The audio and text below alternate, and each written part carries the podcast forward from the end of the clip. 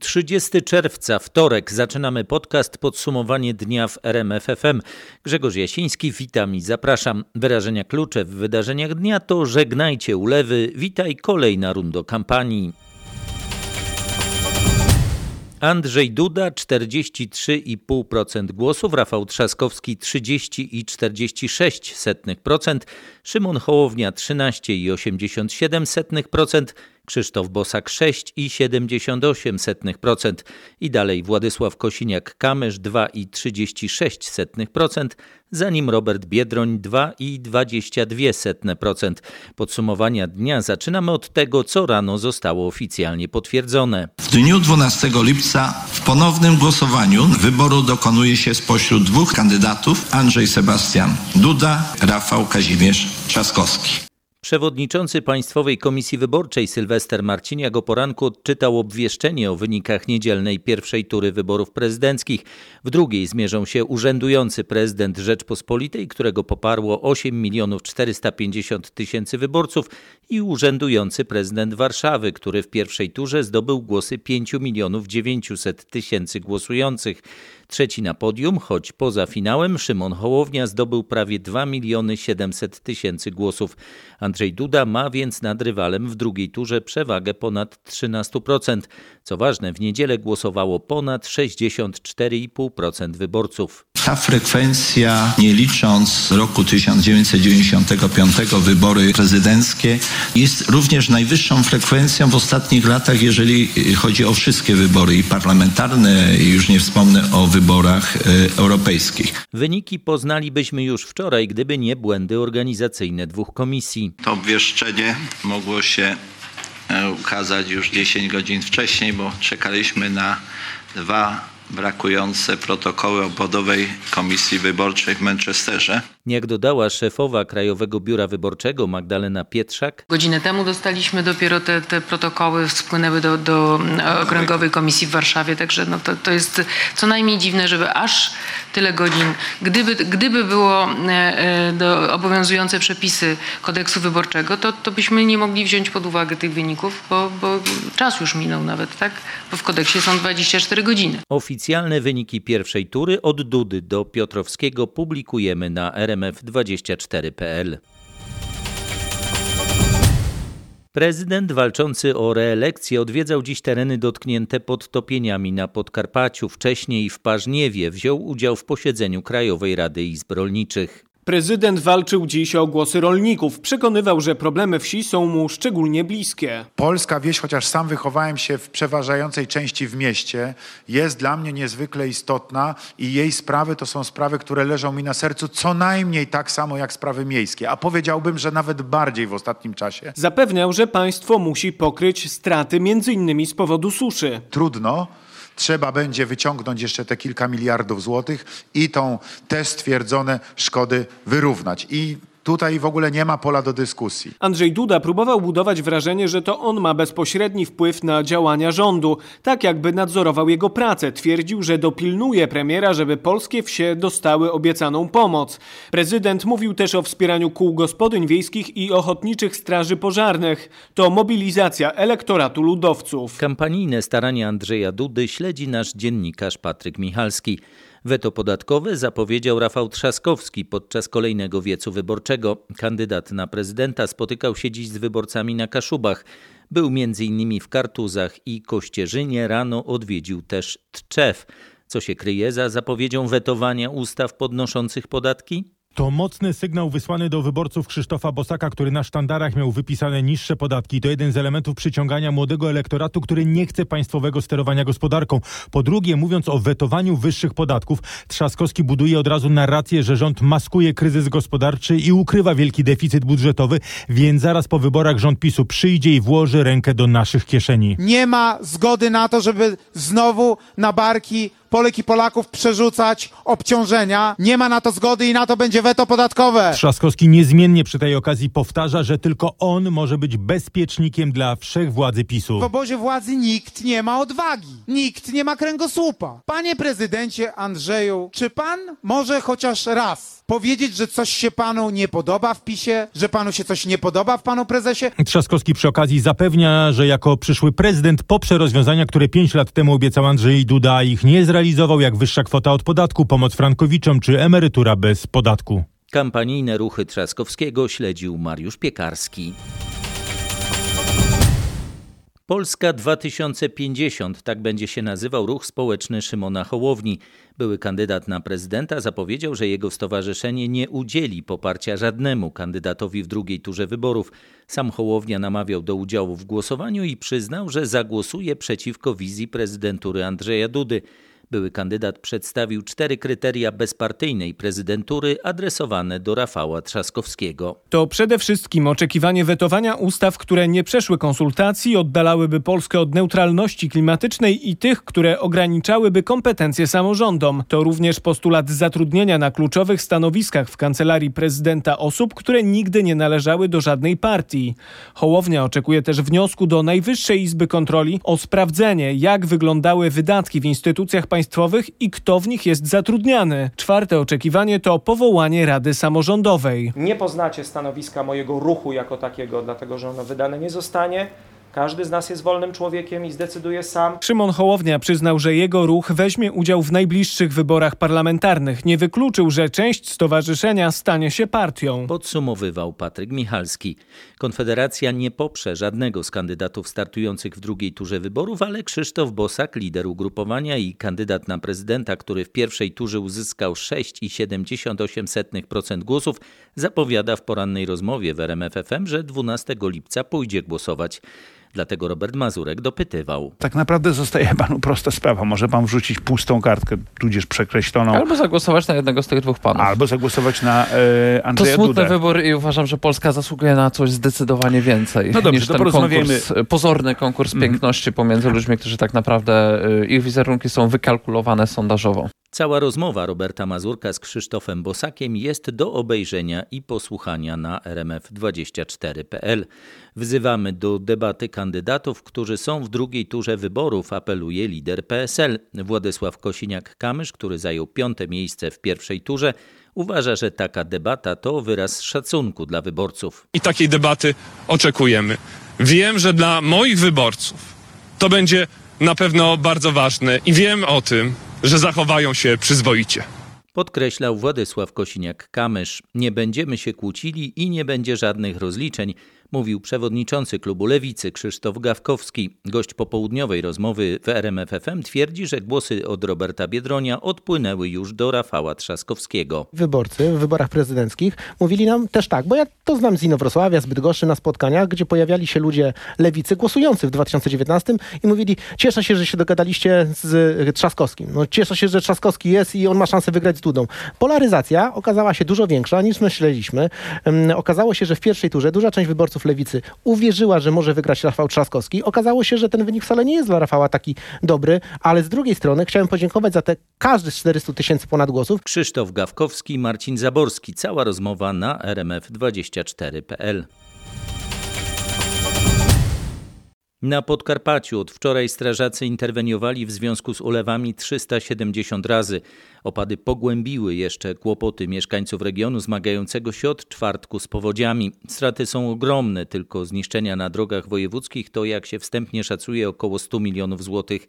Jasło to jedno z tych miejsc, gdzie ulewy szczególnie dały się we znaki mieszkańcom. Takiej ilości wody się nie spodziewał. Musieliśmy się jakoś dostać do domu, stawiliśmy samochód w centrum miasta, a tutaj szliśmy po pachy w wodzie, żeby się dostać tutaj do środka. Woda szła, no to dobrze, że jeszcze szła tutaj, ale potem jak już zablokowało, zrobiło się tu, to było jezioro całe potewały. Myślę, że w miarę możliwości będziemy się starać jak najszybciej uporać z tym wszystkim. Widzę, że wszystko wynosicie na zewnątrz. No tak, no bo jeśli jest wszystko zamoczone, no to trzeba wziąć i, i wszystko przewietrzyć, żeby przeschło. Wszędzie szlam i glina. No, jak widać. Na miejscu był reporter RMFFM Marcin Buczek. Co z zasiłkami dla tych, którzy ucierpieli po ostatnich ulewach? No tu w Urzędzie Gminy wnioski o zasiłki do 6 tysięcy złotych można już składać i zainteresowanych, jak słyszałem, nie brakuje, choć jak mówią niektórzy, na razie chcą przede wszystkim posprzątać swoje podwórka i ocenić straty. Liczę bardzo na pomoc miasta. Rozumiem, że pani złożyła już wniosek, tak? Tak. Dzwoniliśmy do Urzędu Miasta, do gminy. Będziemy się jeszcze później kontaktować, ale póki co próbujemy oszacować straty. Ale jeden z mieszkańców powiedział mi także, że o zasiłek raczej nie będzie się starał, bo choć jego podwórko i część domu były pod wodą, inni mogą mieć teraz większe potrzeby. Inni ludzie mają więcej szkód i niego nie dostaną. Nigdzie nie chodziłem w ramach własnych, to po prostu wszystko czyścimy, remontujemy, bo wie pan, to co się stało ludziom, to nie współczuję. W sumie do tej pory w całym województwie podkarpackim z tej pomocy postanowiło skorzystać już ponad 1200 rodzin i już, jak usłyszałem w Podkarpackim Urzędzie Wojewódzkim, na konta gmin przelano na ten cel prawie 7 milionów złotych. Mieszkańcy Jasła przyznają, że to, co się stało, zostawiło też ślady w ich psychice. To miejsce kiedyś było sypialnią. Długo chyba jeszcze nią nie będzie, ponieważ Wszystko skute do betonu. zdarta, Do betonu, tak. E, Mamy tą świadomość, że na pewno e, to wszystko namokło, że e, te mury przyjęły tą wodę, że to teraz będzie wymagało czasu, będzie wymagało na pewno osuszenia. Znowu pada, ten deszcz budzi niepokój. Proszę pana, ten deszcz to jest koszmar w tej chwili. Na szczęście w najbliższych dniach tego deszczu ma być już mniej. W Warszawie strażacy interweniowali wczoraj ponad 400 razy. Woda wdarła się m.in. na jedną ze stacji metra, na plac Trzech Krzyży i do podziemnej galerii dworca centralnego. Stała też na wielu ulicach. Woda wszędzie stała, lało. Samochody stały krakowską cały czas. Nie było tam przejazdu, że to tam na tym dołku. Jak wracaliśmy krakowską, to były masakryczne korki. Tutaj było załadowane ca cały czas. Dawno nie widziałem czegoś takiego. Nie było szans, by zapobiec podtopieniom, które pojawiły się wczoraj na wielu warszawskich ulicach, przekonuje w rozmowie z RMFFM po posiedzeniu sztabu kryzysowego rzeczniczka warszawskiego ratusza Karolina Gałecka. Na całym świecie nie ma takiej kanalizacji, ani w innych miastach w Polsce czy w Europie, y, które byłyby w stanie tak ogromne ilości wody, ponadnormatywne ilości wody przyjąć e, w ciągu kilku minut. Jeżeli do małej umywalki wlewamy 10 wiaderek wody, również ta kanalizacja i ten spływ potrzebuje znacznie więcej e, czasu. Czy po tych ostatnich podtopieniach coś zmieni się na ulicach Warszawy, na Wisłostradzie, na trasie łazienkowskiej? MPWiK jest w przygotowaniu wielkiego zbiornika retencyjnego, który będzie przyjmował te intensywne opady deszczu. Kiedy ten zbiornik będzie gotowy? Miejmy nadzieję, że już w lipcu ten zbiornik będzie mógł zacząć funkcjonować. Z rzeczniczką warszawskiego ratusza rozmawiał Michał Dobrołowicz. Całym kraju zarejestrowano 239 nowych zakażeń koronawirusem. Ministerstwo Zdrowia informuje, że 84 nowe przypadki pojawiły się na Śląsku. Testy są wykonywane wśród pracowników kopalni Borynia, podał wiceminister zdrowia Janusz Cieszyński. Tam planujemy przebadać 1800 osób, 800 z nich już miało wykonane testy. Mamy też, mamy też nowe stwierdzone ogniska w województwie mazowieckim, natomiast tutaj nie widzimy żadnych powodów do niepokoju. Wszędzie służby sanitarno-epidemiologiczne panują nad sytuacją. Ministerstwo poinformowało o śmierci 19 zakażonych osób. Wyzdrowiało już ponad 21 tysięcy. Nie ma żadnych sygnałów czy podejrzeń, że w związku z niedzielnymi wyborami, do których Polacy poszli gremialnie, są jakieś nowe przypadki zakażeń, oświadczył Janusz Cieszyński. Wiceminister zdrowia podsumował głosowanie od strony epidemicznej. Na jakiej podstawie twierdzi, że nie doszło do zakażeń? No, wiceminister konkretnie tego nie sprecyzował, choć to dziwi, że dwa dni od wyborów już to stwierdza. Argumenty brzmią trochę jak y, życzeniowe myślenie i są następujące. Możemy potwierdzić, że dzięki przekazaniu środków ochrony indywidualnej, dzięki wprowadzeniu y, odpowiednich procedur, ale przede wszystkim dzięki zapobiegliwości samych Polaków udało nam się stuprocentowo bezpiecznie przeprowadzić te wybory. Resort zdrowia nie zauważa też problemu w tym, że podczas niedzielnych wieczorów wyborczych, a także wyjazdów kandydatów w ramach kampanii przed drugą turą mało gdzie przestrzegane są obostrzenia wprowadzone przez rząd. Przypomina jednak o obowiązku zachowania dystansu, a gdyby to się nie udawało, o nakazie noszenia maseczek nawet na wolnym powietrzu. Konferencji Ministerstwa Zdrowia przysłuchiwał się Krzysztof Zasada. Wszyscy nowi pensjonariusze domów pomocy społecznej będą poddawani testom na koronawirusa. Tak zapowiedzieli wiceministrowie zdrowia i rodziny podczas posiedzenia senackich Komisji Zdrowia oraz Spraw Społecznych. Tam padła też zapowiedź dodatkowych pieniędzy na zatrudnienie pielęgniarek w takich placówkach. Mowa o ponad 200 milionach, ale wątpliwości może budzić podział tych środków, bo to mają być konkursy, które ogłosi NFZ, zapowiedział wiceminister zdrowia Waldemar Kraska. To zapewni w okresie pandemii koronawirusa, aby personel medyczny w domach pomocy był w odpowiedniej ilości. Bo pielęgniarki pracujące w DPS-ach były pomijane przy podwyżkach, które wywalczyły na przykład pielęgniarki w szpitalach. Po drugie, podczas epidemii, gdy nakładano zakaz pracy w kilku miejscach, pielęgniarki z DPS-ów wybierały te lepiej płatne miejsca. Dodatkowo przy zakażeniach w DPS-ach błyskawicznie ubywało personelu medycznego. Osób kierowanych na kwarantannę czy leczenie nie miał kto zastąpić, stąd testy przesiewowe. Sukcesywnie będziemy wszystkich wymazywać, więc to będzie się działo. Deklaruje wiceminister rodziny Iwona Michałek, a podczas epidemii z powodu koronawirusa w DPS-ach zmarło 138 osób. Dodatkowo 54 w prywatnych ośrodkach. Warszawa Mariusz Piekarski. Zamiast zamówionych prawie 1200 respiratorów, Ministerstwo Zdrowia kupi za pośrednictwem firmy E&K jedynie 200. Do ministerialnych magazynów trafiło do tej pory jedynie 60 sztuk. Dopiero dziś mają być podpisane ich odbiory, mimo że pierwszy sprzęt od firmy E&K miał trafić już w marcu. Dostawca poinformował też, że kolejnych 140 urządzeń dotrze 3 i 5 lipca. Natomiast kolejna dostawa ponad 600 sztuk miałaby się opóźnić do sierpnia. Dlatego ministerstwo dziś zrezygnowało z dostawy respiratorów tego typu. Minister Cieszyński przekonuje, że Skarb Państwa nie będzie stratny na tym kontrakcie. Nasz dostawca, oprócz tych 14 milionów euro, które już wróciły na konto Ministerstwa Zdrowia, będzie nam musiał oddać pozostałą kwotę wynikającą z zaliczki w wysokości 65% zamówienia na ten czwarty typ respiratora. Cieszyński zapewnia też, że na dostawcę nałożono już prawie 2 miliony euro kar umownych i będą nakładane kolejne. Od północy otwarta jest już polsko-czeska granica w województwie śląskim. Nie ma kontroli, można się swobodnie przemieszczać. Na moście przyjaźni, który znów łączy, a nie dzieli i czeski Cieszyn, zaczął się ruch. No, jedziemy nad jezioro. Po czeskiej stronie, tak? Po czeskiej, no. Można w końcu do pracy iść. Pani była uziemiona w domu? Uziemiona, tak, bez pracy, bez niczego, kompletnie. No a teraz już w końcu normalne chyba życie się zaczyna. Jesteśmy z pobliża, także akurat nam bardzo zależało na otwarciu granic. Tak dobrze, no, że tą granicę odewrzyli, bo już lu- ludzie już chcieli, że chodzić. Tam, my tam na kwiaty chodzili, a na, na zakupy, że głównie. Na moście przyjaźni w Cieszynie była Anna Kropaczek. Wiadomo już, do jakich krajów spoza Unii Europejskiej będzie można wyjechać od 1 lipca.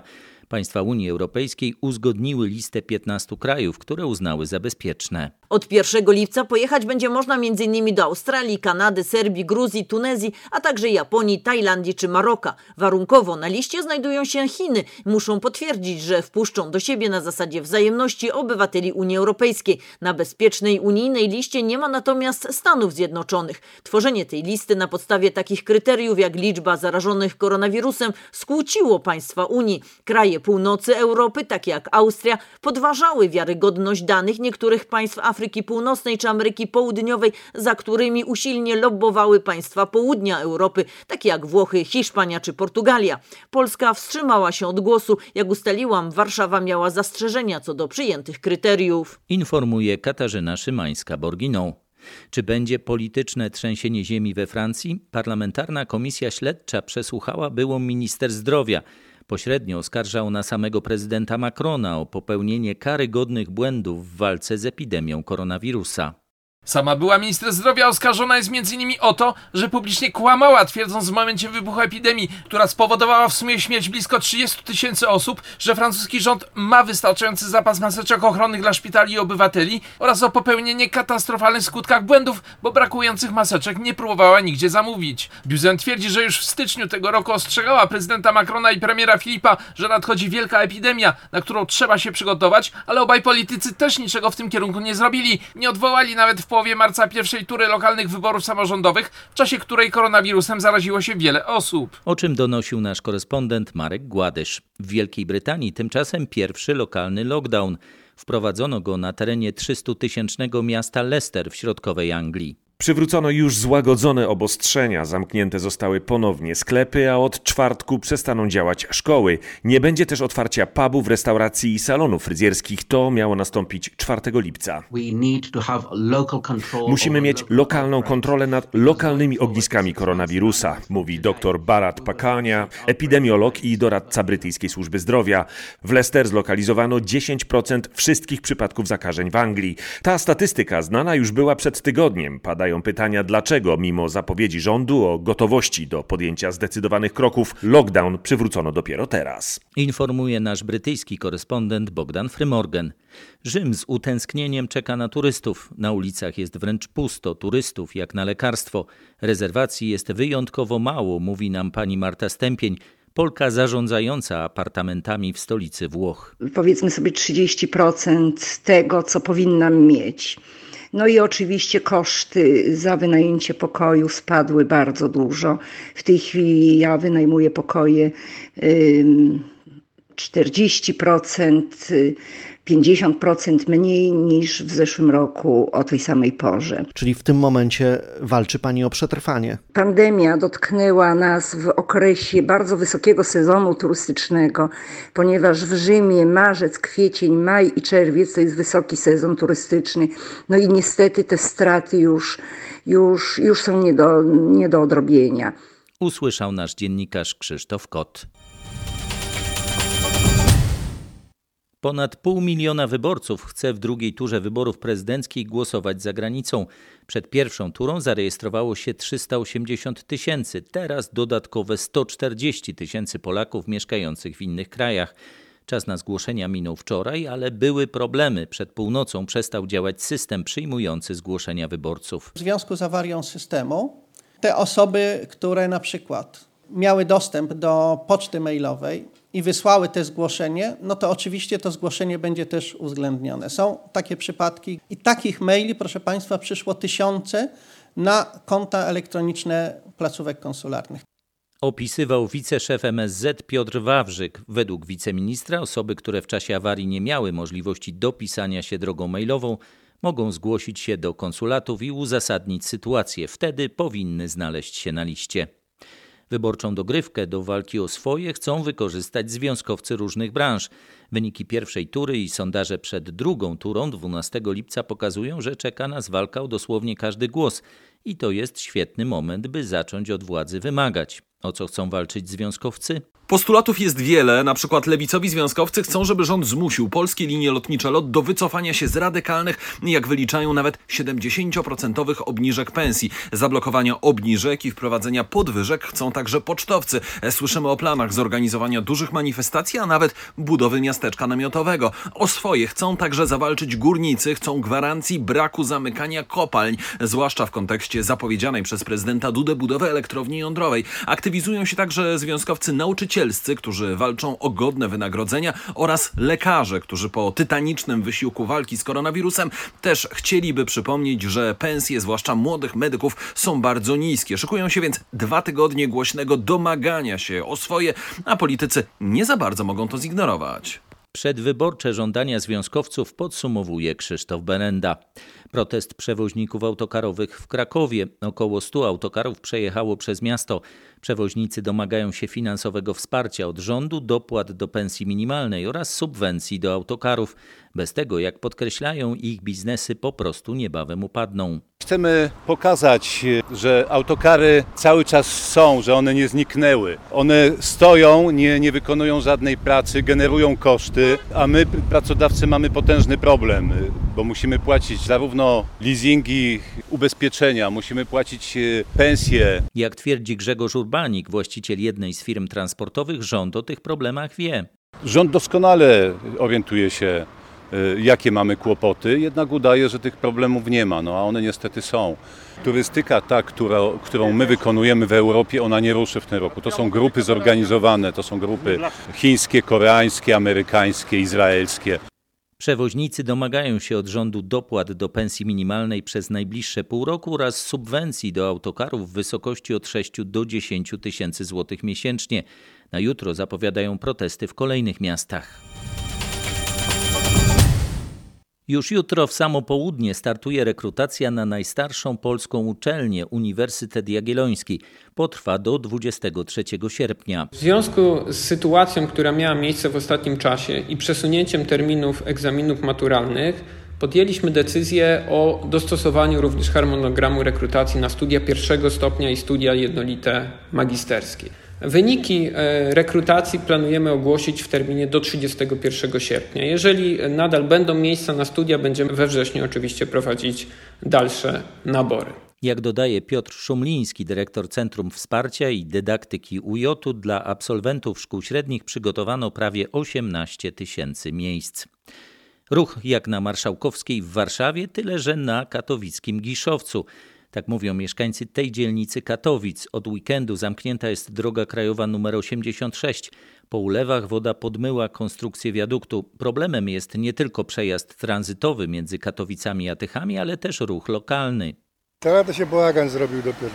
Bo wszystkie drogi tu są poblokowane po południu, to od świateł tu już jest korek w stronę Katowic. Objechać nie ma którędy.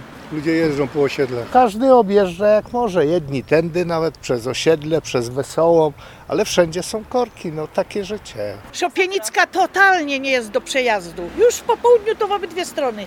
Nie ma reguły, że, że, że w jedną stronę. Na pewno jest to utrudnienie, ale nie szukajmy winnych. Mieszkańców Giszowca wysłuchała Anna Kropaczek. Eksperci wciąż oceniają uszkodzenia wiaduktu. 86 może być zamknięta przez wiele tygodni. Komisja Europejska zaakceptowała nowy program ekologiczny dla województwa małopolskiego. Program LIFE Małopolska zostanie dofinansowany kilkudziesięcioma milionami złotych. Chodzi o walkę ze zmianami klimatu oraz ze smogiem. To przede wszystkim promocja odnawialnych źródeł energii, ale także bardzo bliska współpraca z środowiskami naukowymi i bardzo bliska współpraca z samorządami. Przede wszystkim Małopolanie muszą znać e, potencjał odnawialnych źródeł energii. Te działania, które będą przygotowane w najbliższym czasie, to działania, które mają przygotować Małopolskę do tego, by być pierwszym regionem w skali kraju, który ma przygotowane e, scenariusze dochodzenia do tej równowagi klimatycznej. Tłumaczył Tomasz Urynowicz, wicemarszałek województwa małopolskiego. 8 sierpnia ponownie otwarta ma zostać Bazylika Świętego Mikołaja w Gdańsku, ogłosił dziś oficjalnie przeor klasztoru Dominikanów w Gdańsku. Jedyny kościół historycznego centrum miasta, który nie został zniszczony podczas II wojny światowej, jest zamknięty od jesieni 2018 roku. W nawie południowej popękały filary i sklepienia. XII-wiecznemu zabytkowi groziło zawalenie. Katastrofę budowlaną udało się zażegnać. Świątynia zostanie więc częściowo udostępniona wiernym i turystom. Oczywiście zrobiliśmy wszystko, żeby zabezpieczyć wnętrze, wszystkie punkty, które zostały zaplanowane w tym harmonogramie, które przyjęliśmy razem z Główną Komisją Konserwatorską, zostały zrealizowane. Przeor by głowę położył, że nic się nikomu nie stanie? No, gdyby tak nie było, to nie odważyłbym się kogokolwiek zaprosić do kościoła. Stan wiedzy o kościele i to wszystko, co było wymagane, żeby żaden z elementów architektonicznych kościoła nie spadł na ziemię, zostały zrealizowane. Co oznacza częściowe otwarcie? Po wejściu do kościoła świętego Mikołaja Jedna część będzie wygrodzona, właśnie nawa południowa. W niej znajduje się rusztowanie sporcze, które podpiera sklepienie. Mówił naszemu reporterowi Kubie Kałudze ojciec Michał Osek, przeor klasztoru Dominikanów w Gdańsku. Dziś o 18 w sieci odbyła się premiera spektaklu na podstawie prozy Stanisława Lema, a dokładnie dzienników gwiazdowych. Lem pisał w dziennikach gwiazdowych o mieszkańcach innych planet i o kosmicznych podróżach, ale mówił tak naprawdę o człowieku i o jego miejscu we wszechświecie, a opowiadał to znakomitym językiem i z takim niejednoznacznym humorem. Spektakl Teatru Gdynia Główna to cztery czytania. Czy pan istnieje, Mr. Jones? Kongres futurologiczny, Maska oraz Teo Hip Hip, czyli telechroniczna optymalizacja historii powszechnej hyperputerem na podstawie opowiadania Podróż 20. Nie ma do tej roboty człowieka bardziej odpowiedniego niż Ion Tichy. Czyli słynny kapitan żeglugi galaktycznej, podróżnik i odkrywca. To nie jedyny temat, o którym opowiadała dziś Katarzyna Sobiechowska-Szuchta z redakcji kulturalnej RMFFM. Po ponad trzech miesiącach od zamknięcia znów można odwiedzać Muzeum Książąt Czartoryskich w Krakowie. Od dziś kolekcja książąt czartoryskich, której największym skarbem jest oczywiście Dama z gronostajem Leonarda da Vinci, zostanie ponownie udostępniona zwiedzającym. Można zobaczyć tam również krajobraz z miłosiernym Samarytaninem Rembrandta czy obrazy Jana Matejki. Warto zaplanować wizytę wcześniej na konkretny termin oraz na godzinę godzinę. Po krótkiej przerwie wraca także gmach Główny Muzeum Narodowego w Krakowie z ekspozycją Cud Światła, witraże średniowieczne w Polsce. A Wawel udostępnia ponownie zwiedzającym reprezentacyjne komnaty królewskie. Czynny jest znów m.in. gabinet holenderski oraz gabinet kolekcjonera, czyli coś na kształt takiego zaaranżowanego, nowożytnego, małego muzeum. Mówi Andrzej Betlej, dyrektor Zamku Królewskiego na Wawelu. A wraz z nim do muzeów zapraszała Katarzyna Sobiechowska-Szuchta. Na tym kończymy dzisiejszy podcast Podsumowanie dnia w RMFFM. Na kolejny zapraszam już jutro. Grzegorz Jasiński, dziękuję. Spokojnej nocy.